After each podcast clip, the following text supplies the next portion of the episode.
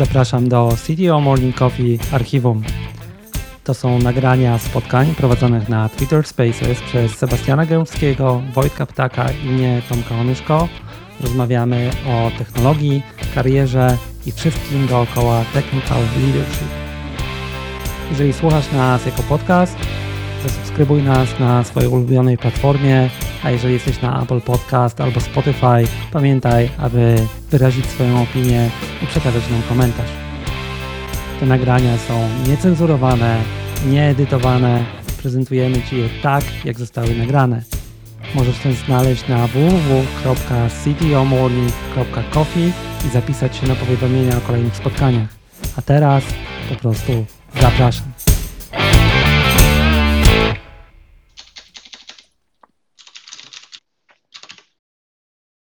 Dzień dobry, jest Sebastian, Damian, kilka innych osób. Coś mi tu pika, ale się nie, nie pojawia, to ciekawe. Cześć, się słyszymy. Słyszymy się. E, kolejny raz się udało. Peter Tak. nie padł. Tak, ale jakiś taki jest dzisiaj, powiedziałbym, z dużą inercją. Tak? Tak, Nie, nie zauważyłem. jakoś mi to wszystko się wolno otwiera. Okej. Mam. Zobaczymy. E, miejmy nadzieję, że e, nie będzie zbyt duża. Dają radę na razie chłopaki i dziewczyny, oby tak dalej, zobaczymy jak to będzie wyglądało.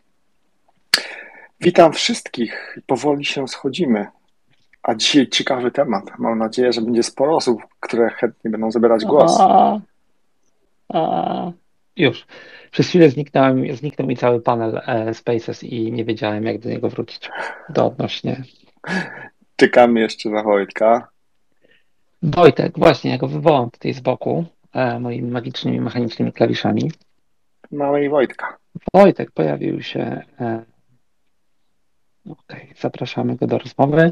Wojtek, Cześć Wam. cześć. Dobrze, no to chyba możemy zaczynać. E, Dzisiaj mamy coś takiego kameralne grono, Robert i Damian, żadny no offense. Tylko się zastanawiam, czy to związane z porą, dniem, czy e, z Twitterem. Tym bardziej zapraszamy do dyskusji i do dołączenia się e, od samego początku. Dokładnie tak. To może na, jeszcze zanim zaczniemy, bardzo krótkie przypomnienie konwencji. Czyli przede wszystkim, jeżeli chcecie zabrać głos, podnosicie łapkę, my to staramy się wychwycić i ten głos wtedy Wam dajemy. Jeżeli Wam tego głosu nie damy, to nie zniechęcajcie się, może w ferworze dyskusji po prostu to przeoczyliśmy, także e, podnoście ponownie. A generalnie to tak, wiadomo, szanujemy się, nie jeździmy bezpośrednio ani po żadnych ludziach, ani po żadnych firmach. Jeżeli krytykujemy, to nie osoby czy instytucje, tylko krytykujemy zachowania i postawy. E, dzisiaj, dzisiaj, dzisiaj, dzisiaj mam bardzo ciekawy temat, bo to jest temat o podejmowaniu decyzji. Nie tylko i wyłącznie decyzji technologicznych, ale oczywiście podejmowaniu decyzji z perspektywy lidera technicznego. Wszystkie aspekty od A do Z. Sam jestem ciekawy, w którym kierunku to pójdzie, bo temat jest dosyć szeroki. Tomek, Wojtek, czy o czymś zapomniałem? Nie masz już to wyćwiczone e, na blachę, że tak powiem. Właśnie, tak próbuję się złapać, co ewentualnie można dodać, ale chyba, chyba wszystko jest, jest powiedziane. Na pewno serdecznie, słuchajcie, zapraszamy, żeby się od razu do nas dołączyć do dyskusji i, mm, i wypowiedzieć się e, e, na, na temat, e, e, który będziemy poruszać, bo jest on faktycznie istotny, bo to jest e, nieodłączna część e, każdego naszego dnia. Więc e, myślę, że to jest jedna z takich faktycznie umiejętności, którą warto szlifować. A żeby było zabawnie, to w, jakiś taki sformalizowany sposób, to nikt nas tego nigdy nie uczy. Przynajmniej nikt mnie tego nie uczył. Zawsze kwestia podejmowania decyzji to była, powiedziałbym, kwestia indywidualna, czyli coś, co sobie ktoś sobie wypracował sam. No, jakby pomijając to, że rzeczywiście firmy mają czasami swoje frameworki podejmowania decyzji, ale o tym też pewnie dzisiaj porozmawiamy. Dokładnie tak. No i oczywiście jest, e, e, myślę, że będziemy rozmawiać też o różnych narzędziach. E, Może zaczniemy od modeli mentalnych podejmowania decyzji.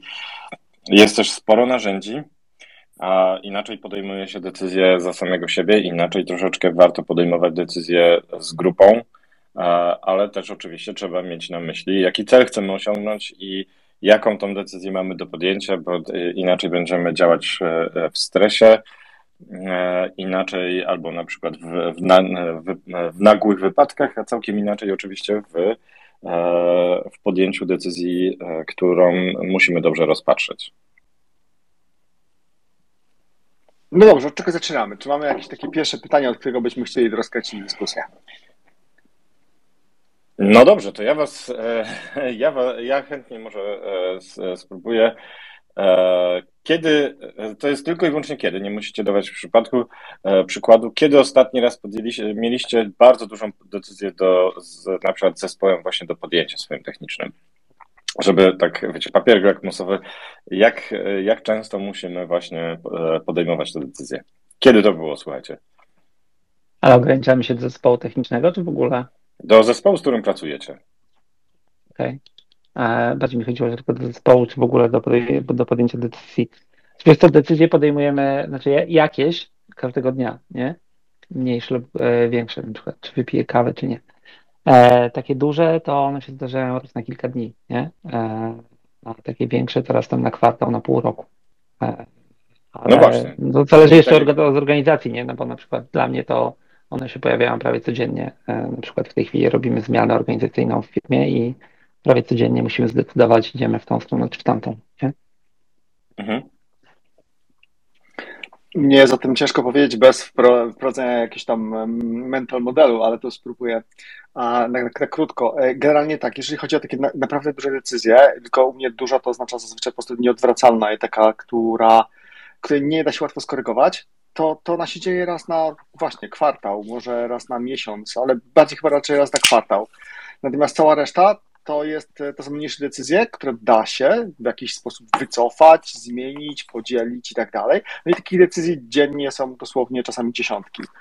I kwestia, dlaczego tak ten balans wygląda, czyli tam jest ich tak mało, a tu jest ich tak dużo, no to jest trochę kwestia wyćwiczenia właśnie, bo jeżeli się tego mental modelu nie narzuci, to niestety czasami jest tak, że jesteśmy sparaliżowani tym właśnie, że wszystkie nasze decyzje wyglądają dla nas jak bardzo ważne, a to tak nie powinno wyglądać. No właśnie, bo tutaj dotknąłeś jednej rzeczy, Wojtek, zacząłeś mocno szeroki front, nie? E, nie ma tu z nami takiego kolegi, który czasami dołącza Marka i on kiedyś powiedział takie, taką prostą rzecz, nie? Framework e, decydowania, czy coś jest ważne, nie?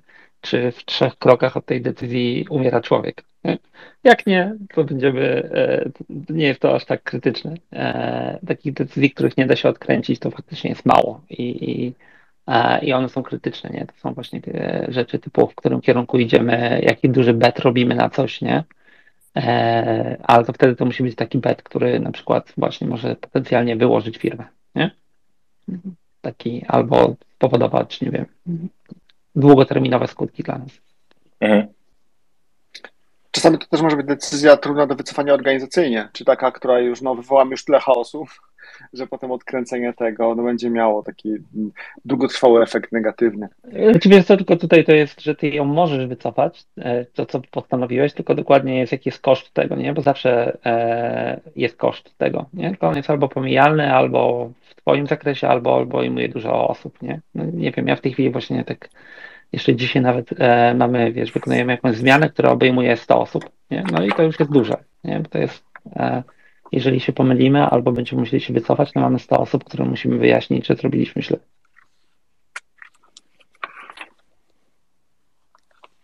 No dobra, słuchajcie. E, to ja myślę, e, e, że to jest tak jak mówimy, że faktycznie mamy różnego, różnej wielkości decyzje.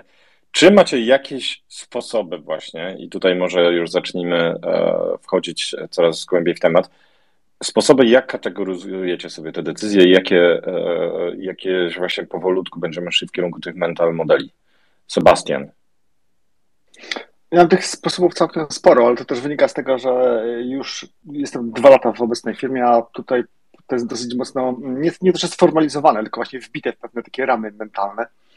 No, pierwsza decyzja to, pierwszy jakby taki mental model, którego używam, no to jest właśnie ten związany z, drzwiami. Nie wiem, czy wszyscy wiedzą o co chodzi, ale no decyzje są takie jak drzwi, które albo są w jedną stronę, albo takie, które są w obie strony, czyli można nimi wrócić. To już trochę o tym Tomek powiedział, więc nie będę się tutaj jakoś szerzej rozwodził. Natomiast tutaj ta właśnie klasyfikacja tego, jaki to jest rodzaj decyzji jest bardzo istotny. To jest taka pierwsza rzecz.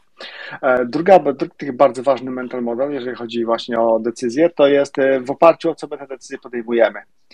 A, czyli to jest rozróżnienie na przykład faktów i opinii. To jest bardzo ważna rzecz przy podejmowaniu decyzji.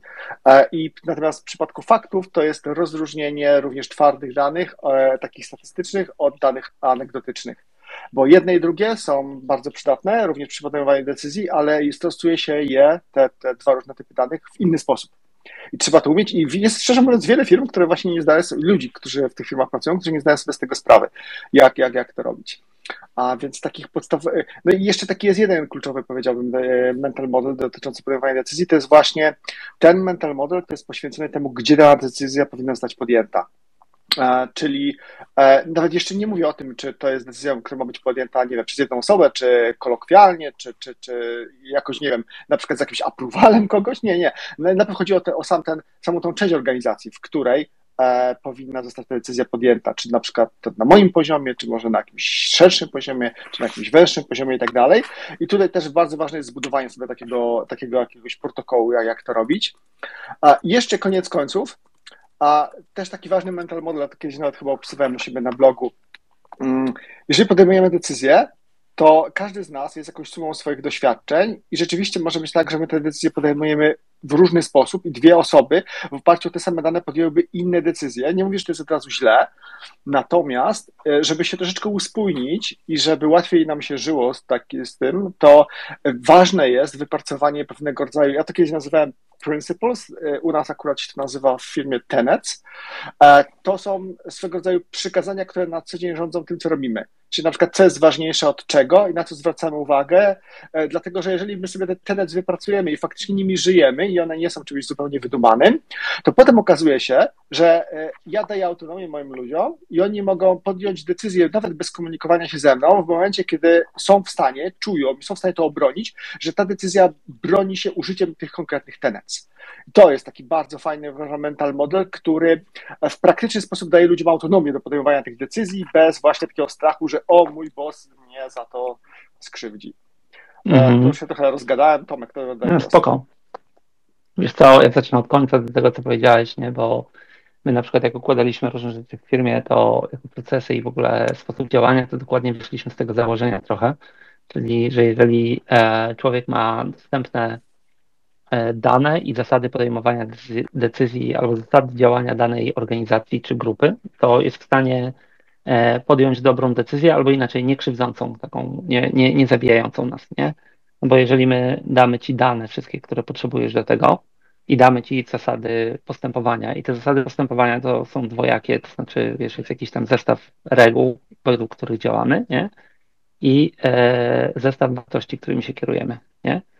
Wtedy to się robi e, dość e, proste podejście pod tytułem, czy to, co chcę zrobić, e, czy mam dane na podstawie tego i te, czy one są twarde, czy nie. Czyli OK.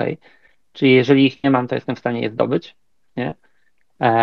I to w ramach jakiegoś skończonego czasu. I potem, OK, czy one naruszają te nasze ustalone zasady, nie? Czyli w szczególności, wiesz, najpierw te, te, takie zasady typu polityki, czy cokolwiek, policja jest, ale potem te wyższe, nie? Czyli na przykład czy chcę wygrać projekt dając łapówkę? No nie. Tak bardzo drastyczny przykład, nie? Dlaczego? Bo to narusza jakąś tam naszą zasadę moralną, nie? A teraz, więc, więc my to na przykład mocno gdzieś tam e, bo to deleguje proces, bo to jest dokładnie następna rzecz, e, jest taka, to jest ty trochę to poruszyłeś, to jest pytanie, czy ja jestem tą osobą, która powinna to zrobić, nie? To jest tak, że e, w organizacji, w szczególności w jakiejś grupie ludzi, e, jest tendencja do tego, żeby przepychać podejmowanie decyzji wyżej, żeby ktoś inny to zrobił, tak? A, I tutaj jest kwestia, nie, to jest twój, back stops here. E, tutaj masz wszystkie dane, tutaj masz zasady, to powinno być podjęte na twoim poziomie, bo ten, ten, zawsze będzie szło do góry, takie bąbelki będą pędziły do góry, nie? Więc generalnie zadanie sobie pytania, czy to jest dobre grono do podjęcia tej decyzji. Jeżeli nie, to, to kto to powinien zrobić? I u nas na przykład w tym gronie, w którym ja tam e, najczęściej pracuję i w ogóle e, w firmie też to jest ograniczenie zakresu ludzi, którzy to robią. Nie? Czyli e, jak mamy 10 osób, które o czymś rozmawiają, to generalnie jest stop. Kto będzie tę decyzję podejmował? Ok, z kim chcesz ją zdarzyć? Z tymi ludźmi. Nie? Dobrze, te, te trzy osoby wracają i mówią, e, decydujemy tak, reszta e, disagree and commit w najgorszym razie, nie? Takich moich prywatnych, już kończę wywód, ale takich moich prywatnych jeszcze mental models dookoła tego jest trochę to, o czym mówiliśmy, to znaczy, jeżeli już mam podjąć decyzję i e, ja z tym miałem kiedyś większy problem, teraz mam trochę mniejszy. E, I dwie rzeczy mi pomagają zawsze, nie? Czyli e, timebox na podjęcie decyzji, że muszę ją do któregoś momentu podjąć, bo nie podjęcie decyzji to też jest decyzja, nie? E, I dokładnie odpowiedź na pytanie worst case scenario, czyli co się stanie w najgorszym wypadku, jak to zrobię. I przeważnie to nie jest takie straszne. Dotknęliście, e, tak, dotknęliście kilku bardzo fajnych rzeczy. Tutaj e, bardzo często powtarzaliście e, o zasadach podejmowania decyzji. Ja przygotowując się do naszego odcinka też troszeczkę odgrzebałem zasady Raya Dalio, bo pamiętałem, że tam było sporo na temat podejmowania decyzji, jego mental model bardzo mocno wyjaśniony, więc tutaj E, dla zainteresowanych. E, myślę, że kilka książek dzisiaj padnie, więc pierwsza, pierwsza z nich, jeżeli ktoś nie czytał, to jest faktycznie książka. Principles. Tak, Principles. Warto się, e, warto się zainspirować i warto wziąć ją do ręki, jeżeli ktoś jej nie czytał. Tam jest właśnie w notatkach mam, powtórzę, że kilka rzeczy, które właśnie przedstawiliście, bardzo często i bardzo głośno Ray Dalio E, podkreślał i, e, i właśnie zachęcał, czyli to co, to, co nazwałeś, Sebastian, mówiłeś, żeby tam zweryfikować sobie. Ja pamiętam, że w jednej z naszych rozmów to bardzo fajnie nazwałeś, że e, w firmie też szukasz sparring partnerów, więc to będę, będę cię prosił, żebyś wypowiedział się na ten temat. E, bo to jest e, bardzo fajna, e, bardzo fajna idea, która mi się mi przypadła się do, bardzo, przepraszam, bardzo mi przypada do gustu. Więc może zanim ja będę dalej kontynuować, to, to opowiedz o tym sparring partnerze, bo to jest, to jest strasznie fajny koncept, który mi właśnie się spodobał. Tak w ogóle to zapraszamy do dyskusji, wszystkich, także jeżeli ktoś ma swoje doświadczenia albo jakieś pytania, albo cokolwiek, to, to zapraszamy. A wiesz co, z tym sparring partnerem, to tak naprawdę to, to, to, to nie ja wymyśliłem, tylko to akurat jedna z moich współpracowniczek, to, to ma takie podejście i też głośno o tym mówi. E, I to nie dotyczy tylko i wyłącznie podejmowania decyzji, tylko ogólnie pracy, że jeżeli my popadamy w taki zbytni groupthink, czyli tak naprawdę zależy nam przede wszystkim na jakimś konsensusie, na tej zgodności, no to bardzo często nie umiemy wykorzystać tego takiego paternu mm, twórczego konfliktu, to się tak chyba nazywa ładnie po polsku, e, to tak naprawdę no, kaleczymy swój zespół, jakby nie ma tej takiej synergii między członkami zespołów. Więc ten, ten cały pomysł z tym sparring partnerem właśnie polega na tym, że ludzie, którzy są czasami ze sobą e, parowani poprzez rolę na przykład, to, są, to mogą być różne role, rola produktowa versus jakaś tam rola e, inżynierska, to jest taki jeden z przykładów, ale to dotyczy nie tylko IT, to dotyczy każdego biznesu praktycznie. To takie osoby powinny ze sobą współpracować właśnie w sposób, e, w którym się wzajemnie challenge'ują. A e, to nie jest to, że rzucają sobie jakieś kłody pod nogi, natomiast umieją na przykład zadawać dobre pytania. No bo nawet decyzją jest tak, że pierwsze pytanie, które my powinniśmy sobie zadać, to jest takie, czy my w ogóle tą decyzję musimy podejmować teraz na przykład, bo bardzo często te decyzje e, należy po prostu odsuwać w czasie, bo będziemy mieli na przykład więcej danych, albo e, aktualnie i tak nie jesteśmy w stanie przerobić jakichś tam wyników tej decyzji. Może e, tak naprawdę nie jest kluczowe podjęcie samej tej decyzji, tylko odpowiedzenie sobie na pewne ryzyka, albo na pewne pytania, które pomogą nam sklasyfikować, czy to jest decyzja właśnie bardziej pilna, czy mniej pilna. Także z tym sparring partnerem chodzi generalnie właśnie o takie challenge'owanie się wzajemnie. Dokładnie. Ja... I e, ja tutaj tylko, no przepraszam cię Tomku, dajesz. Spoko, musimy opracować jakiś sygnał, e, kto, kto zaczyna po... Nie siedzimy e... razem, co widać. Tak, tak, tak. Ja chciałem powiedzieć, że z tobą na przykład u nas to też funkcjonuje, e, może nieformalnie, nie wiem, czy tam Sebastian ma, czy to formalnie, czy nie, ale e, to jest dokładnie to, że wiesz, że jak pracujemy nad jakąś decyzją, to przeważnie, znaczy ja, ja przez lata nauczyłem się jednej rzeczy, E, że w dużej grupie demokracja już nie działa, nie? więc e, nie uprawiamy coś takiego. Wiesz co, ostatnio, ostatnio byłem na spotkaniu tutaj grupy IT, e, firm IT w Polsce i usłyszałem, że właśnie na przykład podejmując decyzję o e, sprzedaży firmy, podejmowana była grupowo całą firmą, nie? I to było dość ciekawe, bo nawet miałem się spytać, jak to zadziałało, ale to była mała grupa. E, ale e, jak mamy grupę, która na czymś pracuje i trzeba podjąć taką decyzję, to dokładnie jest wyznaczane, tak jakby, znaczy nie wyznaczane, tylko mówimy, ok, to kto to będzie robił, bo nie możemy tego robić wszyscy, nie? I wtedy jest, tylko że wtedy to jest tak, że jest jedna osoba, która to robi i mówimy sobie, ta osoba ma podjąć tę decyzję i mówimy, kto z nią będzie się zderzał, nie? Na, albo będą nad tym pracować. I bardzo często ten sparring partner to wygląda dokładnie tak, że jeden z moich partnerów w firmie na przykład uderza do mnie i mówi, słuchaj, chcę, przeczytaj to, potrzebuję twojej tak jakby opinii, nie? Ja tam czytam i na przykład zadaję tylko pytania. On mówi, ok, to, to, to, to, o tym pomyślałem, a o tym nie pomyślałem, fajnie, nie? E, a czasami mi mówi, wiesz co, powiedziałeś mi wszystko, co wiem, ale dzięki, nie? E, I, i, to, I to jest bardzo ważne, bo, e, bo jest bardzo łatwo załadować się w swój taki tok myślenia, nie? który spowoduje, że przegapisz coś. To ja chętnie na tym zbuduję, co ty powiedziałeś, bo to się ładnie nazywa echo chamber effect. I on jest bardzo groźny, bym powiedział, tym bardziej w dzisiejszych czasach. I już rozbudowuję swoją myśl. Pierwsza rzecz. E, którą powiedziałeś, czyli że jeżeli, zobaczcie, e, podejmujemy decyzje, tak jak Sebastian chyba ty wspomniałeś, jesteśmy sumą swoich doświadczeń. Więc pierwsza w ogóle rzecz jest, e, super jest się zapoznać z jakimi rodzajami cognitive biases mamy do, do czynienia i jakie naturalnie mamy tendencje do upraszczania. Więc to jest w ogóle super rozwijająca rzecz, żeby zrozumieć, jak bardzo często nasz mózg e, e, podejmuje pewne triki e, i upraszcza rzeczywistość albo dostosowuje do doświadczeń, które mieliśmy. No bo jesteśmy sumą swoich doświadczeń.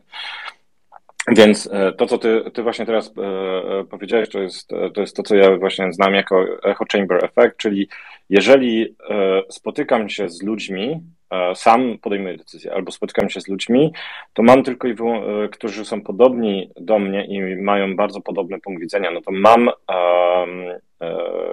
tylko i wyłącznie potwierdzenie swojego toku myślenia. Czyli tym bardziej zaczynam się ograniczać.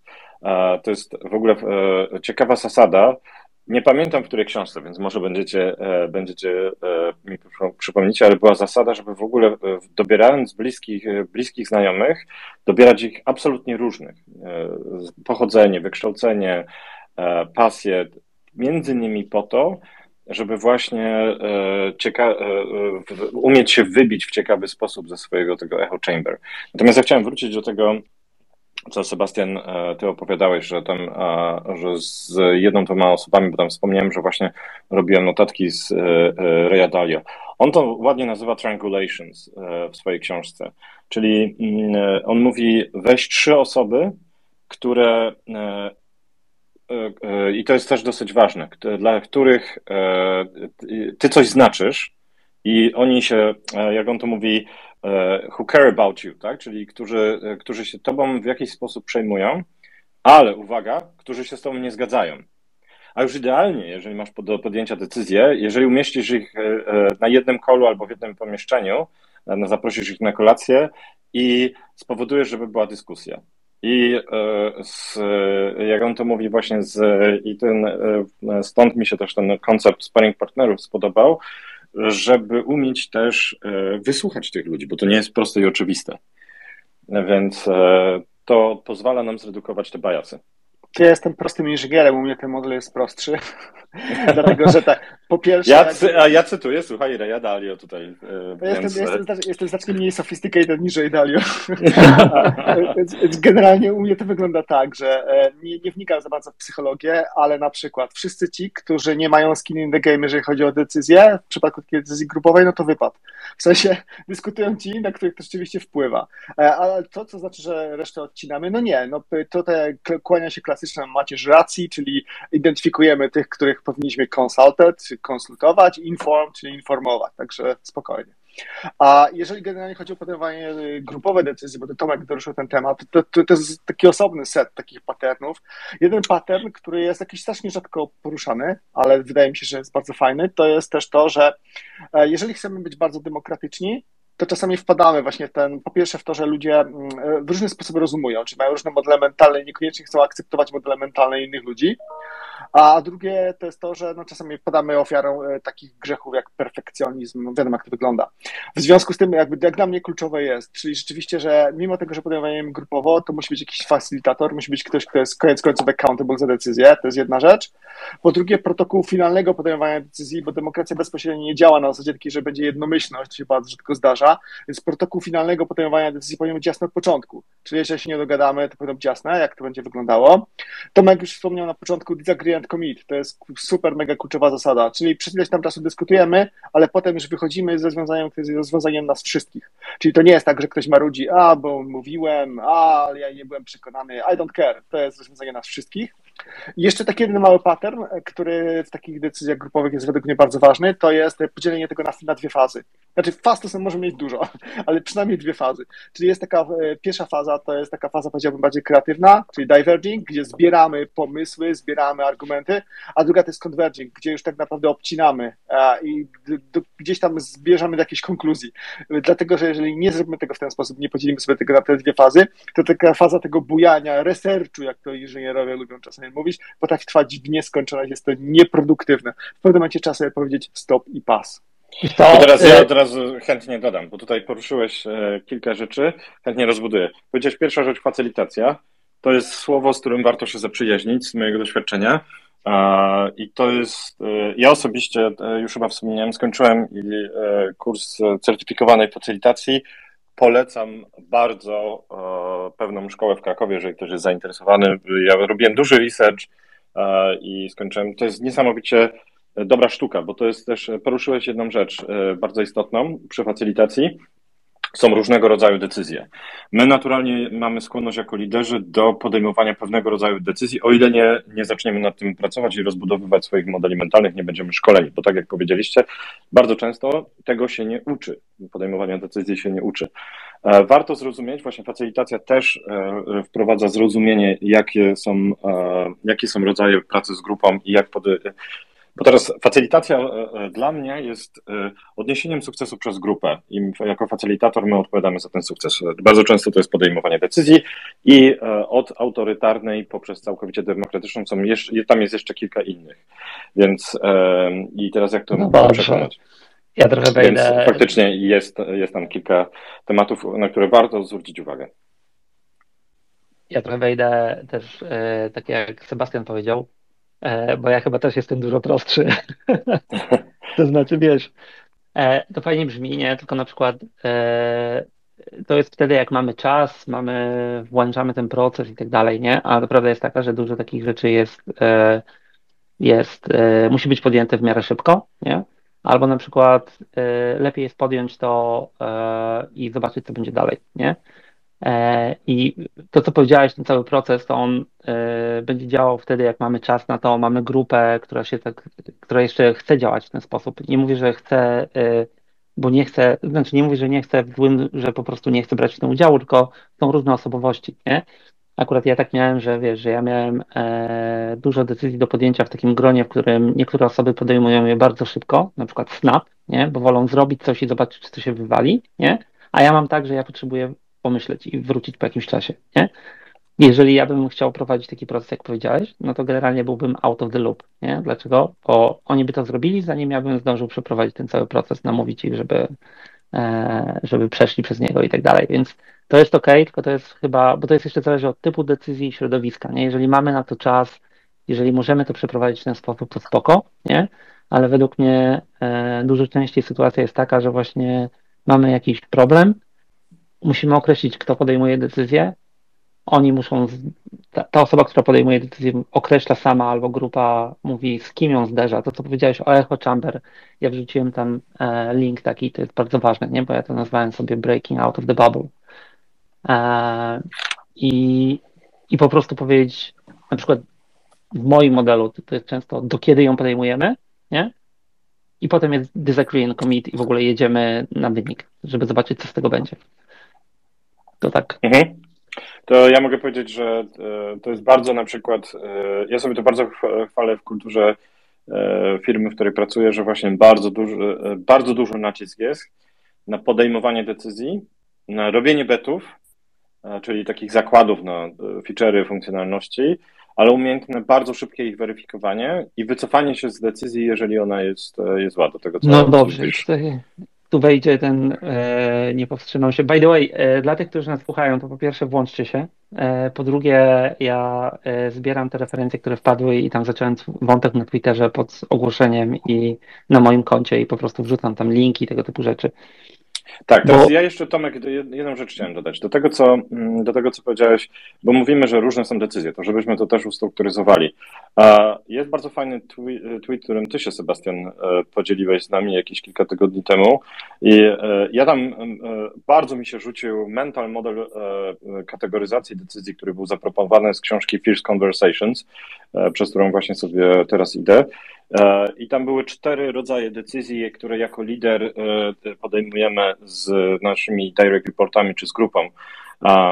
I od tego, w zależności jak one wpływają na nasze otoczenie, jak wpływają na, e, tak jak mówiliście, tam jest dokładnie opisane właśnie, czy one są odwracalne, czy nie, jaki jest ich wpływ. Więc tam cztery są. Root decisions, czyli te decyzje podejmujemy wspólnie, trunk decisions, czyli e, e, ktoś, kto podejmuje decyzję pod, zanim ostatecznie kramka zapadnie, dzieli się z nami i tak jakby właśnie dokonuje tego sparring partnerstwa z nami. Branch decisions, czyli oczekujemy, że ktoś dokona tych decyzji i zacznie działać, ale jesteśmy informowani. I left decisions, czyli wszystkie pozostałe decyzje, które nie są tak naprawdę, które codziennie musimy podejmować, ale nie chcemy nikogo blokować jako liderzy. Więc to jest bardzo fajny model mentalny dla liderów. I tutaj muszę przyznać, że dzięki Sebastian za podzielenie się tym. Ja chciałem wejść wcześniej jeszcze e, z jedną rzeczą, nawiązując do poprzedniego, ale właśnie też e, z tymi wątkami odnośnie mental model i tak dalej, nie? Bo ja jestem dużym fanem, to e, czasami widać takiego termu, takiego określenia UDA lub, nie? Orient, Observe, Decide, Act. Jak ktoś nie zna, to po tym można znaleźć, nie? I, I to jest dokładnie to, że to jest, znaczy to, co wynika z UDA lub, to jest to, że nie ma jednej decyzji, która kończy wszystkie inne nie? Więc generalnie pytanie jest, jak szybko je, jak szybko je podejmujesz i jak szybko orientujesz się, czy one działają, czy nie i modyfikujesz to, nie? Więc generalnie udało lub to jest dokładnie observe, orient, decide, act, nie? Zobacz, gdzie jesteś, zorientuj siebie względem tego, czyli na przykład zbierz dane, zorientuj siebie względem tego, co zebrałeś, czyli używając na przykład swojego mental model, swoich zasad, principles, cokolwiek, nie? Zdecyduj cokolwiek wyszło ci z tego, wdróż to w życie i zacznij od nowa, nie? Albo wróć do któregoś z tych kroków, dlatego to się nazywa loop. To też polecam przyjrzeć się i, i według mnie to jest w ogóle bardzo, bardzo ciekawy e, model i tam kilka rzeczy się na, nich, e, na niego przekłada. Dobrze, to może teraz e, zmienimy trochę temat. Jak już e, podejmowaliśmy tą decyzję, ale my mamy ją do podjęcia, to są dwa takie rzeczy, czyli po pierwsze, e, jak przekonać innych do tego, żeby z nami działali, tak? I jak rozwiązywać konflikty, które się z tego rodzą. Więc pytanie, na które chcemy wejść. Może na temat komunikacji. Wojtek, Sebastian? Okej, okay, zapanowała cisza, więc ja mogę powiedzieć, jak to wygląda z mojej strony. A jeżeli chodzi o komunikację, ok, no to temat jest trochę wielotorowy, bo e, jest komunikacja przed decyzją, jest komunikacja po decyzji. A i teraz przed decyzją jest ona o tyle ciekawa, że to bardzo zależy od kultury konkretnych organizacji. Są takie organizacje, w których ludzie, i to jest nawet ich całkiem sporo, w których ludzie nie czują się komfortowo w momencie, kiedy e, jest na przykład jakaś decyzja podejmowana, ale oni się z nią jakoś utożsamiają ale nie mają świadomości tego, że ona jest podejmowana i ona ich potem zaskakuje. To, że taka decyzja została, została podjęta, to, że w ogóle ktoś nad tym pracował. Czują się wtedy trochę wykluczeni. Więc to jest taki ważny temat związany z komunikacją. Fajnie jest e, posiadać e, odpowiednie narzędzia, jakieś radiatory informacji, jakiś sposób e, nawet publikowania informacji e, takiej kluczowej dla firmy, czy to poprzez jakieś all hands, czy to poprzez jakieś bulletiny, czy to po prostu poprzez publikowanie publiczne, jakiś meeting minutes gdzieś tam na jakimś poziomie, tak żeby ogólnie ludzie wiedzieli, co się dzieje w firmie i że a dana decyzja jest na etapie podejmowania i na przykład jak ktoś chce się, nie wiem, skonsultować, dać swój jakiś tam input, to w jaki sposób może to zrobić. Więc to jest dosyć trudne. Nie w każdej firmie to działa i jeszcze dodatkowo są takie firmy, które mm, działają w sposób bardziej, powiedziałbym, wojskowy, a i uważałem, że tego typu podejście to spowalnia rzeczy. Jednak ludzie powinni trochę wyłączyć swoje ego i zdawać sobie, jakby zaufać, że jeżeli ktoś podejmuje tę decyzję, a to to grono a, mm, będzie w stanie tę decyzję podjąć, a jeżeli to grono uzna, że potrzebuje tej konsultacji, to to grono proaktywnie po tą konsultację sięgnie. Więc to jest taki, taki pierwszy rodzaj komunikacji, dosyć specyficzny. A drugi rodzaj komunikacji no to jest ta komunikacja już post, czyli w momencie, kiedy decyzja została podjęta. I tutaj też, no, wszyscy słyszeliśmy pewnie o jakichś tam ADR-ach, tego typu logach decyzyjnych, logach, e, co zostało, jaka decyzja została podjęta. No i teraz e, to też trzeba umieć dobrze zrobić. To nie chodzi o to, żeby potem przez całym światem uzasadniać, dlaczego taka decyzja. Nie, to już decyzja została podjęta, więc to już jest ten, jesteśmy na etapie disagree and commit.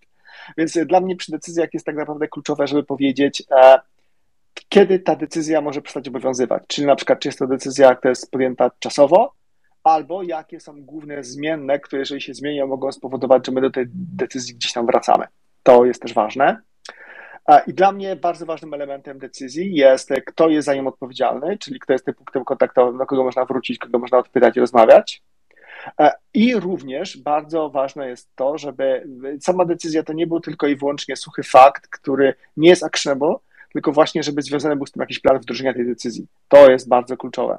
I teraz tym planem, e, to, to, o tym rzadko pamiętamy. Na przykład podejmują decyzję o tym, że od tej pory nasza architektura będzie wyglądać tak a tak, ale zupełnie nie mając pojęcia, jak my do tego tak a tak dojdziemy. E, wynikiem tego jest ten tak zwany leva flow effect i jeszcze parę innych e, niefajnych pojęć związanych z drugiem technologicznym. W każdym razie, w momencie, kiedy już podejmujemy taką decyzję, to powinno też być jasne, jak chcemy tam dojść i też kto będzie tego pilnował, kto jest za to odpowiedzialny, kto jest za to accountable.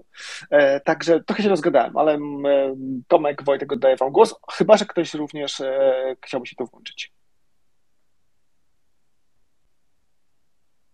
Znaczy ja myślę, że ta komunikacja to jest akurat, znaczy to jest najważniejsze, że tak swoją drogą, zależy jeszcze na jakim to jest poziomie, nie? Bo jak mamy decyzję, która obejmuje jeden zespół e, ludzi, no to generalnie bierzesz ich, tłumaczysz, e, mówisz, co robimy i e, właśnie ważne jest, co powiedziałeś, action plan, nie? Więc jak to jest decyzja, która obejmuje więcej ludzi, na przykład jak zmieniamy coś w firmie, tak jak my tutaj czasami robimy u siebie, nie? No to generalnie wtedy naprawdę ważne jest przygotowanie tej komunikacji i, a, i tego, e, jak ona zostanie wdrożona, bo to literalnie, jeżeli to jest na przykład taka zmiana, która obejmuje całą firmę, no to musisz rozpisać sobie ją w czasie, nie? Kiedy kto co skomunikuje, jaki będzie action plan, to nie może być zawieszone, nie? Czyli generalnie dokładnie musi pójść od razu egzekucja, e, bo z egzekucji wynika e, cokolwiek chcemy osiągnąć, nie? I to nie może być zawieszone na zasadzie takiej, że jak powiemy, słuchajcie, robimy tak, i po prostu nikt nie wie, jak to zrobić, nie? I pierwszy krok jest taki, wszyscy wypełniamy, nie wiem, coś tam, nie? I następny krok dostaniecie za tydzień i, e, i to jest bardzo ważne. E, tylko to już jest na, na zasadzie, to jest, to jest na etapie wtedy, jak już mamy coś podjęte i chcemy to wdrożyć w życie, nie? Wcześniej jeszcze jest e, ewentualnie, wiesz, jak ktoś podejmuje decyzję i ma jakieś grono, które musi do tego przekonać, nie? I to też jest e, wtedy inaczej przeprowadzane, ale trzeba się zastanowić, ok, to ja mam te osoby. E, krótko mówiąc, one muszą mi na przykład pomóc we wdrożeniu tej, osoby, tej decyzji. Nie brały w tym udziału, e, bo nie były ten, ale one ją wdrażają. To teraz ja muszę je przekonać do tego, żeby one były on board, albo przekonać je dokładnie do disagree and commit. Wtedy trochę, trochę wchodzimy w e, proces sprzedaży, krótko mówiąc, e, tego, co wymyśliliśmy wewnątrz grupy. Ja jeszcze dodam do, do tego, co Sebastian e, e, powiedziałeś i bardzo przepraszam, bo e, byłem wyciszony i zacząłem mówić do siebie. Zdarza się to zbyt często. E, słuchajcie, e, e, jak warto w ogóle wprowadzając pewne, pewne mm, reguły jeszcze właśnie jeżeli chodzi o podejmowanie decyzji i upewnienia się, że jest alignment, bo to jest o tym, to, o czym rozmawiamy, tak? Czyli, że wszyscy jesteśmy w tym samym miejscu, jeżeli chodzi o zrozumienie, dlaczego podejmowaliśmy tę decyzję, jak ją podejmowaliśmy, jaki jej był efekt i jaki jest plan do dojścia do tego punktu, o którym mówisz, więc to jest e, coś bardzo istotnego. Mi dobrze sprawdza się ten model RACI, e, e, czyli Responsible, Accountable, Consulted, Informed, czyli Responsible to jest osoba lub osoby odpowiedzialne za, za jak to się ładnie mówi, za sukces danego, dane, danej decyzji, którą podjęliśmy, tak, danego celu, osiągnięcia danego celu. Accountable to jest osoba, która będzie od, od, e, był tak zwany ładnie final authority e, dla danej decyzji. Konsulty to są osoby, wszystkie, z którymi e, potrzebujemy sobie skonsultować dany pomysł i mieć ich tak jakby wgląd i punkt widzenia na daną decyzję, żeby osiągnąć dany cel, albo tam szereg decyzji, które będziemy mieli, inform te osoby, które są w tym e, communication loop cały czas i e, z nimi rozmawiamy. I dotknąłeś jeszcze, dotknęliście obydwoje czegoś bardzo ważnego, czego się zapomina, czyli taksonomii e, w, w projekcie. To, co bardzo często tutaj w waszych wypowiedziach wychodziło, prawda, żeby upewnić się, że wszyscy rozumieją pewne aspekty. My to ładnie nazywamy jako inżynierowie ubiquitous language. I to jest jedna, jedna z rzeczy, która jest niesamowicie często pomijana przez nas samych, czyli upewnienie się, że dane e, sformułowania e, od decyzji po cel, pod ścieżkę do, dojścia do niego jest bardzo jasne. Tam nie ma niedomówień i używamy języka spójnego wewnątrz organizacji, e, który dla wszystkich oznacza to samo. Ponieważ tak naprawdę, jak wiecie, to zdarza się bardzo często, że może tak nie być, więc tutaj też chętnie dodam właśnie do tego te dwie rzeczy. Sebastian, ja bym przy tej decyzji, jeszcze przy, przy kwestii komunikacji i podejmowania decyzji wspomniał jeszcze trzy rzeczy. Jedna, nie powiedziałem jej umyślnie, bo myślałem, że to będzie pierwsza rzecz, którą ktoś będzie jeszcze chciał dodać, ale to jest, wiem, że to zabrzmi trochę jak taki szalony, wie, jakiś coach internetowy, ale e, już bez nazwisk, ale, ale bardzo ważny jest ten why. Czyli jak już mówimy o tej decyzji, to nie powinniśmy się rozwodzić w ogóle, jaki był proces decyzyjny i tak dalej, to już nie powinno być istotne, ale w ogóle dlaczego ta decyzja, e, po co ona, że to nie jest takie jak gdzieś tam mieszanie w wodzie łyżeczką bez sensu, tylko że to rzeczywiście ma jakiś cel. A to jest taka jedna rzecz. Druga rzecz to jest bardziej, powiedziałbym, pewnego rodzaju antypattern. Nie ma nic gorszego niż jakieś decyzje, które są nawet ogłoszone z wielką pompą, a, a gdzie się potem nic nie dzieje. Więc tego action planu trzeba potem pilnować. Musi być jakiś governance, że faktycznie e, ta decyzja jest wprowadzana w życie. Bo jeżeli tego nie będzie, to jest to bardzo zły wzorzec dla kultury organizacji, że w sumie są tacy od gadania, to są ci decydenci, oni głównie gadają, a my potem i tak robimy swoje. Więc to jest taka, taka uważam, dosyć krytyczna rzecz, na którą trzeba, pamięta, trzeba pamiętać. I jeszcze jest taka rzecz, która może jest trochę specyficzna też dla kultury tej firmy, w której ja pracuję, ale to jest to, że no ta decyzja, ona jest podjęta, e, ale są też pewnego rodzaju metryki, które są z nią związane, bo my chcemy wiedzieć, jak ta decyzja się gdzieś tam koniec końców sprawdziła. Więc jak to weryfikujemy? I to czasami jest bardzo upierdliwe, bo to nie jest łatwo znaleźć te metryki. Tu wchodzi znowu cała taksonomia metryk, tam te inputowe, outputowe, outcome'owe i tak dalej, ale mierzenie tej metryki bycie transparentnym, żeby potem koniec końców pokazać, że na przykład, ok, no sorry, ale trzeba zrobić pivot.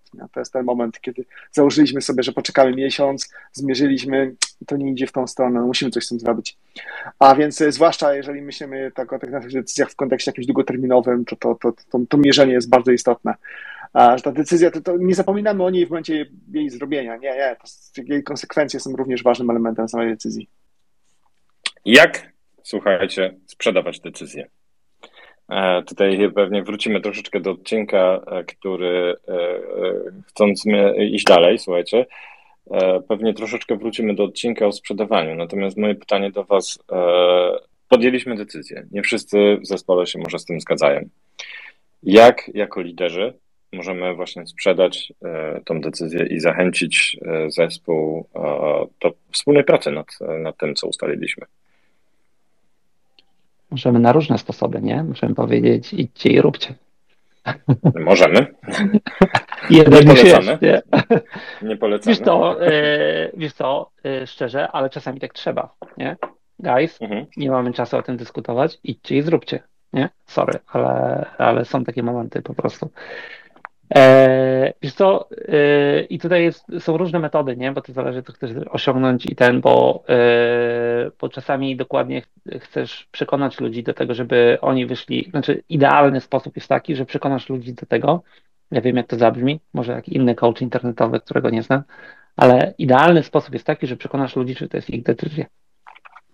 Tak? Mhm to to jest, jeżeli jesteś w stanie to zrobić tak, że ci ludzie wyjdą i po prostu będą wierzyć, że to oni chcą to zrobić, to to już jest w ogóle super. Nie? E, no to wymaga trochę tam czasami ekwilibrystyki takiej socjalnej, bym powiedział, nie? Eee, ale też jest ważne, jaki jest output, nie? No bo faktycznie jest czasami tak, że, że zakładany output jest taki, że nawet jak ci ludzie nie będą szczęśliwi, to potrzebujemy to zrobić, nie? E, bo jest higher good pod tytułem jak tego nie zrobimy, to my uważamy, że się wszystko wywali, więc generalnie nawet jak ktoś nie będzie on board, to my i tak musimy to zrobić, nie? I wtedy y, używasz jednego sposobu, nie? No bo mówisz, słuchajcie, mamy taką rzecz do zrobienia i tak dalej, i tak dalej. Okej, nie mamy czasu na przekonywanie wszystkich i ten.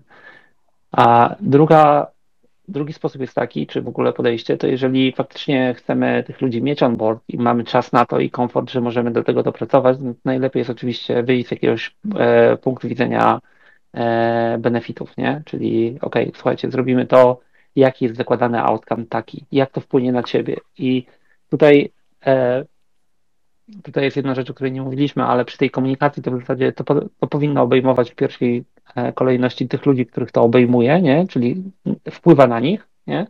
a potem dopiero szersze grono tych, na które nie wpływa. No i wtedy jest ok, słuchajcie, według nas taki jest ten, czy wy widzicie to inaczej, jeżeli ewentualnie macie pytania, nie? I według mnie też jest ważny właśnie przy komunikacji ten okres zadawania pytań, nie? Czyli mówisz, słuchajcie, chcemy zrobić coś takiego, mamy jeszcze czas, wasze wątpliwości i pytania zbierzcie je w jednym miejscu. Tylko jedna rzecz, nie należy wtedy odpowiadać na wszystkie w każdym momencie, tylko lepiej jest je zebrać i odpowiedzieć na przykład grupowo, nie? Albo przemyśleć odpowiedź i ustalić, że ta odpowiedź będzie taka sama dla wszystkich, nie? Tomek tu w zasadzie wszystko powiedział, ja tylko w telegraficznym skrócie dodam, że e, generalnie ta sprzedaż to powinna być na, jak najwcześniej, jeszcze w czasie podejmowania tej decyzji. A, czyli właśnie to jest to skupienie ludzi, wzięcie ich on board a, i upewnienie się, że oni mają ten skin in the game. No bo jeżeli nie, to ich nie dotyczy to w ogóle bo że też nie ma sensu im tego sprzedawać. Natomiast e, im wcześniej to się dzieje i, i im bardziej e, umoczymy ludzi w pewnym sensie w tą, w tą, w tą grupę podejmującą tą decyzję, albo nawet niekoniecznie jako już tych głównych odpowiedzialnych, ale również właśnie tych, którzy mieli tam jakiś swój wkład, to, to tym lepiej.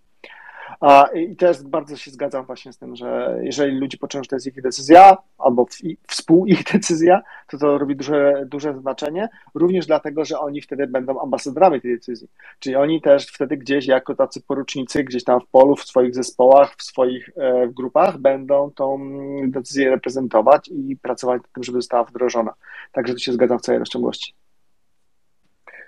To drugie, drugi temat chciałem jeszcze dotknąć, dotknąć, zanim będziemy kończyć, słuchajcie. E, konflikt przy podejmowaniu decyzji. To jest bardzo trudny i ciężki temat. E, jako, jako mm, niedoświadczeni liderzy bardzo często e, tutaj popełniamy największe błędy właśnie. Część osób przechodzi wtedy w styl autorytarny, tracąc, e, e, powodując jeszcze większy konflikt, tracąc bardzo często e, poparcie, jakieś spójność grupy. Wiemy, czym to się może skończyć. Część osób idzie w demokratyzację i boi się podjęcia decyzji, odsuwa to, odsuwa w kierunku grupy, zgadza się z całym konfliktem. Ten konflikt czasami, wiecie, wybucha już w pełni, sytuacja jest stracona również. Jak tego uniknąć? Czyli jak, jak jako młodzi liderzy, słuchajcie, mogę upewnić się, że, e, że rozwiązuję, może jeszcze tak zadam pytanie, czy macie jakieś sposoby rozróżnienia tego, e, tych typów konfliktów e, i jakie macie narzędzia, żeby zaradzać tym konfliktom? I to tak naprawdę to jeszcze dodam na sam, na sam koniec tego pytania, prawda, to nie dotyczy tylko i wyłącznie liderów, bo to jako członek grupy bardzo często proponuje chociażby swoje rozwiązanie e, i zespół może się ze mną nie zgodzić. E, super, jeżeli e, bardzo często, prawda? Świetnie, jeżeli wywiąże się dyskusja i zespół wskaże mi, tak jak mówiliśmy, ten zespół jako sparring partner pokaże mi te braki w moim myśleniu. Natomiast co, jeżeli się stanie konflikt? Czyli co, co o tym myślicie? Czyli konflikt, to po pierwsze, znaczy, yy, yy, okej, okay punkt widzenia, powiedzmy, e, tego, który mocno jest ukształtowany tym, że przez ostatnie tam 13 lat prowadziłem firmę jednak, nie? I musiałem się czegoś nauczyć, bo żeby było jasne, jak ja zaczynałem, to ja miałem z tym duży problem, nie? Ale w którymś momencie jest tak, że jednak w szczególności w takich organizacjach, które mają jakąś strukturę hierarchiczną, nie? To the buck stops here, nie? I, I na końcu, nawet jak mamy konflikt, to oczywiście należy go spróbować rozwiązać i tak dalej, ale nawet oczekiwanie w organizacji jest takie, że sorry, ale ta jedna osoba w końcu powie, ok, robimy tak. Nie? I tutaj właśnie co wchodzi disagreement committee, przekonanie ludzi do tego. Nie? Ale jeżeli mamy konflikt dookoła tego, no to generalnie trzeba zrozumieć, dlaczego dlaczego ten konflikt istnieje. On przeważnie wynika albo z niezrozumienia, gdzie po prostu wyłożyliśmy się na komunikacji tego, co robimy, nie? bo moje doświadczenie jest takie, że my mieliśmy, znaczy po pierwsze, jak się, jak się coś komunikuje, to jak komunikujesz to, to trzeba jasno sobie założyć najpierw, co chcesz, żeby ludzie usłyszeli, ci, którzy są targetem tej komunikacji, nie? I e, prawda jest jeszcze taka, że oni usłyszą tylko wycinek tego, co powiedziałeś, nie? I przeważnie e, konflikt się bierze wtedy, kiedy skupili się na jakimś wycinku i zignorowali całą resztę, e, dlatego że to wpływa personalnie na ich jakiś tam target, well-being, cel i tak dalej, nie? I wtedy trzeba dotrzeć, tak naprawdę trzeba się spytać czasami, to co ty zrozumiałeś z tego, co ja powiedziałem? Sorry, ale tak. I potem dojść do tego, ok, dlaczego, dlaczego, dlaczego może to jest inaczej? No, Sebastian? U mnie to chyba tak prościej do tego podchodzę, tak mi się wydaje, w sensie tak prosty tryb myślenia. Znaczy pierwsza rzecz to jest taka, że w ogóle jak można tego konfliktu uniknąć, tak myśląc jeszcze upfront. E, można spróbować po prostu poprzez to, że bardzo jasne kryteria naszej decyzji, czyli jakie ona, e, cokolwiek, jakakolwiek ona będzie, to w jaki sposób będzie oceniana. Czyli jeżeli będzie na przykład x różnych opcji do wybrania, to jak uznamy, która z nich będzie lepsza albo gorsza, jakie będą te kryteria, jak będziemy to mierzyć. Jeżeli to się ustali wcześniej, to to na pewno pomaga. Jeżeli ten tryb podejmowania decyzji będzie znany wcześniej, to nawet jak on jest niedemokratyczny, to też wszyscy będą wiedzieli, ok, dobra, to jest ten tryb podejmowania decyzji, więc nie mamy pretensji, że nie wiem, Tomek wziął na końcu sprawę w swoje ręce i po prostu tą decyzję podjął, bo nie mieliśmy tego konsensusu. To jest też taka rzecz, która bardzo pomaga. Kolejna rzecz, która bardzo pomaga przy konflikcie, to jest właśnie ten podział na te, te fazy, o których wspomniałem wcześniej. Czyli na przykład pierwsza faza, ta taka faza bardziej twórcza, to jest tak, żadnych konfliktów nie powinno być, bo my w tym momencie jeszcze nie krytykujemy, po prostu zbieramy tak naprawdę pomysły. Natomiast skupiamy się później na, na już w tej fazie drugiej, w fazie tego obcinania, na tym, żeby według tych wcześniej ustalonych kryteriów dojść do jakiegoś tam jakiegoś, jakiegoś wniosku na końcu. Więc to jest też w jakiś tam sposób e, tak naprawdę pomaga. E, teraz tak, e, jeżeli chodzi o, mm, no bo czasami jest tak, tak że no po prostu dwie osoby uważają inaczej. No i według jednej osoby jakieś rozwiązanie jest lepsze, według drugiej jest gorsze. I wtedy pomaga ten mental model, o którym wspomniałem na początku, czyli e, co jest faktem, co jest opinią. czyli przynieś twarde fakty, pokaż te twarde fakty. Jeżeli ludzie mają tylko i wyłącznie swoje opinie, no to w tym momencie właśnie ten protokół podejmowania decyzji powinien mówić, czyja opinia wygrywa. No, no taka, taka jest prawda, że w pewnym momencie już musimy tę decyzję podjąć. Tomek wcześniej wspomniał o deadline'ach, ustawieniu sobie terminów, to jest mega ważne. Właśnie, żeby też pokazać, że to jest, słuchajcie, jesteśmy tutaj grupą, wszyscy mamy skin in the game, mamy tu ustaloną tą jedną decyzję, e, ten, ten, ten jeden termin na podjęcie tej decyzji, no musimy to podjąć, jedziemy według tego protokołu. Nie ma idealnego rozwiązania, w związku z tym e, X podejmuje na przykład e, tę decyzję za nas. E, y, czasami uniknięcie konfliktu e, robimy, rozwiązujemy również poprzez rozbicie decyzji, czyli na przykład podzielenie tego. Pierwsza decyzja to będzie, e, ma nam zmniejszyć ryzyka, ma nam zmniejszyć jakieś, jakąś niewiedzę, czyli robimy jakiś może test, jakiś proof of concept, może nawet czasami test porównawczy, jeżeli to jest coś ważnego i możemy w to zainwestować. I to też czasami pomaga, zrobienie czegoś takiego gdzieś tam powiedzmy z boku. A jeżeli chodzi o właśnie sytuacje konfliktowe, czasami to jest tak, że jeżeli widzimy, że jest e, dwie bardzo mocno zwalczające się frakcje, nie wiem, frakcja kubernetesowa i frakcja lambdy, e, to w tym momencie to jest kwestia... Nie wiem, skąd ci ten pomysł przyszedł do głowy w ogóle. Też nie wiem, e, crazy.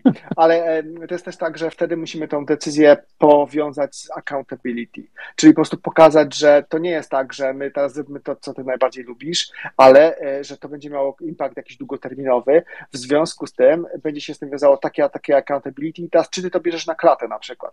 Czy faktycznie, jeżeli pójdziemy tą ścieżką, którą rekomendujesz, to w całej rozciągnięciu ciągłości weźmiesz za to odpowiedzialność. A ja teraz... Wejdę... Mhm.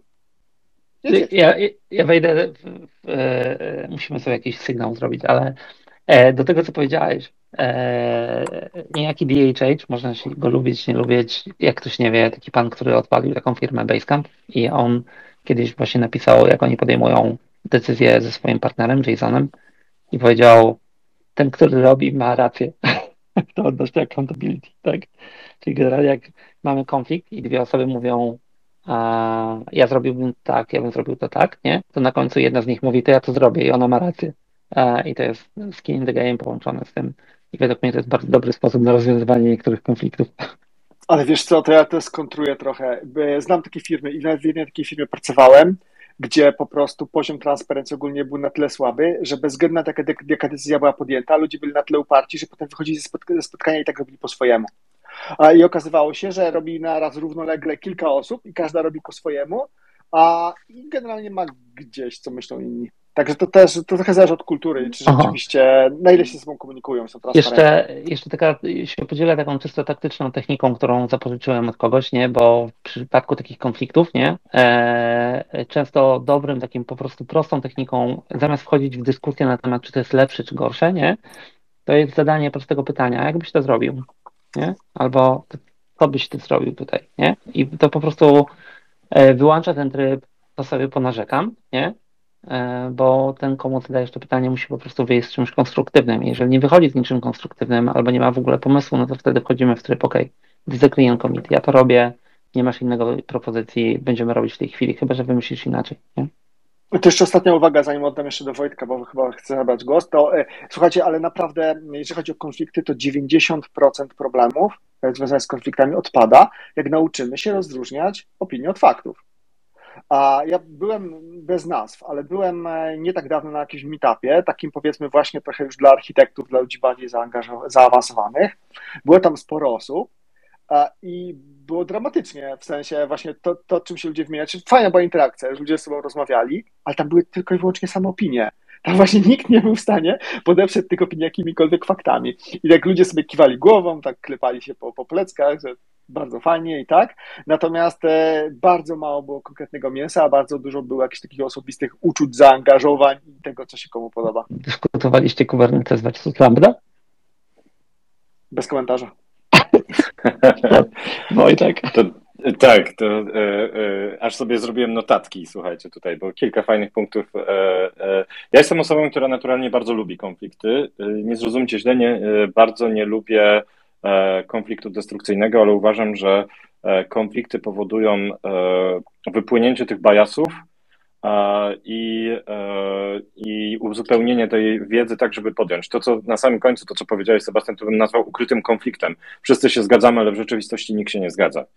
E, Wszyscy, albo raczej wszyscy e, kiwamy, kiwamy głowami, nikt się nie zgadza. To jest też bardzo ciekawy przypadek. E, e, Żeby zredukować bajasy e, i mieć dobrej jakości konflikty podczas podejmowania decyzji, e, ja bym proponował e, e, taktyczne zastosowania, jak tu powiedziałeś, Tomku. Pierwsza rzecz to jest kontrakt zespołu. Jeżeli tworzymy zespół, umówić się, jak podejmujemy decyzje, jak rozwiązujemy konflikty. I powiedzieć wprost. Wtedy poznamy też w komfortowych warunkach, zanim będzie ten konflikt, na co, z czym ludzie są ok, jako liderzy będziemy mogli działać w ramach tego, z czym, na co zespół się umówił. Będziemy mieli jasne reguły gry. E, Więc jeżeli ktoś zainteresowany, polecam wygooglowanie czegoś takiego jak Team Contract. Druga rzecz, którą się nauczyłem na szkole facylitacji, przy bardzo e, intensywnych e, spotkaniach, warto na początku spotkania e, dokonać ko- kontraktu tego spotkania, kontraktu facylitacji. Jeżeli chodzi o po- e, rozpoznanie i upewnienie się, że wypływają wszystkie zdania i też dajemy sobie radę z konfliktem, czyli to, co powiedziałeś, Sebastian, żeby poznać wszystkie fakty e, i mieć opinię, no to mamy kilka narzędzi, tak? Czyli chociażby e, tą analizę SWOT, która jest wszystkim znana, ale mam wrażenie, że stosunkowo mało stosowana, jest bardzo mocna. I coś, co jest, co druga rzecz, która jest bardzo fajna, czyli Rumsfeld Matrix. To jest ta known, e, known knowns od known knowns do unknown unknowns. I e, ona jest bardzo dobra, żeby sobie jako zespół uświadomić, co my wiemy, czyli e, co, co jest faktami, a czego my faktycznie nie wiemy, nie jesteśmy w stanie potwierdzić, czyli to, co e, ty, Sebastian, ładnie nazwałeś, prawda, opiniami. I tutaj bardzo ładnie jesteśmy w stanie to wychwycić i złapać i z tym działać.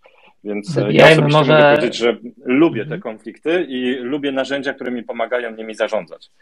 Znaczy, Oczywiście jako kreatywne konflikty. Z narzędzi, w których wymieniłeś, to tylko powiem, że ja nie jestem fanem analizy SWOT, nie? E, dlatego, że e, to jest po prostu przejście przez jakiś proces i e, w zasadzie to nie daje ci żadnej wskazówki według mnie do podjęcia decyzji, nie? No ale to jest już, Nie, nie, może nie, na następny raz e, sobie wiesz, wskazówki, pogadamy. to nie chodzi mi o wskazówki, tylko o wypłynięcie tych wszystkich faktów. Natomiast e, słuchajcie, jako, e, jako osoba, która kiedyś próbowała rozpoznać też e, ten temat podejmowania zespołowych decyzji, ja jeszcze na sam koniec e, chciałem polecić dwie książki. Pewnie jest ich więcej. Tam kilka już tytułów daliśmy, ale na pewno dwie. Bardzo dobra książka, jak taki playbook, jak podejmować decyzje, to jest Game Storming. To jest książka, która zainspirowała też Alberto Brandoliniego do tego, żeby stworzyć Event Storming, prawda? Więc e, tutaj bardzo, bardzo mocno polecam tą książkę. I jest jeszcze taki e, super skondensowany playbook, The, The Decision Book. To jest dosłownie tam chyba około 100 narzędzi, e, maksymalnie na trzy strony, na narzędzie, które są do podejmowania decyzji od własnych, indywidualnych, pogrupowe, przez myślenie do e, działania, więc też bardzo polecam. Oddaję głos do studia, chłopaki. Dobrze. Jakbyśmy to podsumowali? Jedno zdanie każde. No może dwa. Nie wiem, czy da się podsumować jednym zdaniem. Natomiast e, wydaje mi się, że jeżeli ktoś tego jeszcze nie robił, bo bardzo często decyzje są podejmowane w pewnym sensie intuicyjnie, czyli my niby podejmujemy decyzje dosyć racjonalnie, bo mamy swoje zasady wewnętrzne, ale jesteśmy mało transparentni na zewnątrz. Więc wydaje mi się, że każdy, jakby, jeżeli tego jeszcze nie zrobił, to e, na pewnym etapie powinien sobie po prostu spisać właśnie te reguły, spisać ten swój framework, zwłaszcza jeżeli współpracuje z dużą ilością ludzi, jeżeli e, te decyzje mają dużą wagę właśnie po to, żeby no czasami się trochę challenge'ować, nie? Czy, czy, czy w tym frameworku decyzji należy coś zmienić, a może trzeba zebrać właśnie doświadczenia również innych ludzi i może to trochę razem zmerdować. W każdym razie, jeżeli nad tym nie myślimy, nie zastanawiamy się nad tym, tylko cały czas jedziemy intuicją, to wydaje mi się, że pewnego progu nie przeskoczymy, że pewne, pewnego poziomu jakości tych naszych decyzji również nie przeskoczymy. Więc warto spędzić na tym trochę więcej czasu i zrobić taki deliberate, deliberate effort, e, żeby nad tym swoim frameworkiem popracować. Eee, ja faktycznie potwierdzę to, co powiedziałeś, bo ja nawet wrzuciłem tam wątek, pozwoliłem sobie zrobić autopromocję i e, jakieś sobie coś takiego zrobiłem, że po prostu siadłem wieczorem i powiedziałem, czy nawet rano i okej, okay, to jak ja to robię, nie? I spisałem sobie tam short effort for everyday decision making, nie? Eee, I, I nawet tam na blogu gdzieś wrzuciłem. I to jest faktycznie powiedzenie sobie wprost, jak to robimy, to to e, mocno pomaga. Wojtek? E, to jest sztuka, której warto się uczyć, więc ja na pewno e, e, dodam jeszcze to, o czym wspominałem, te książki i myślę, że warto to e, zapoznać się też właśnie z konceptem facylitacji. No i nic tylko szlifować warsztat. I życzę Wam bardzo miłego weekendu. Debatujemy, słuchajcie, kiedy spotkać się następny raz, czy za dwa, czy za trzy tygodnie bo mamy, będziemy mieli teraz bardzo dużo przerw, więc śledźcie naszego Twittera. Te, też obiecujemy tutaj dodać w tym wątku te wszystkie pozycje. E, I szykujemy bardzo, bardzo ciekawy kolejny temat, e, więc myślę, że e, będzie, będzie się działo, będzie ciekawie, będzie o naszej przyszłości, tak możemy zdradzić. No dobrze, słuchajcie, dzięki bardzo za udział dzisiaj. Fajnie się rozmawiało. Zapraszamy do udziału w kolejnych odcinkach. Póki co to miłego piątku, miłego weekendu. Do usłyszenia, cześć.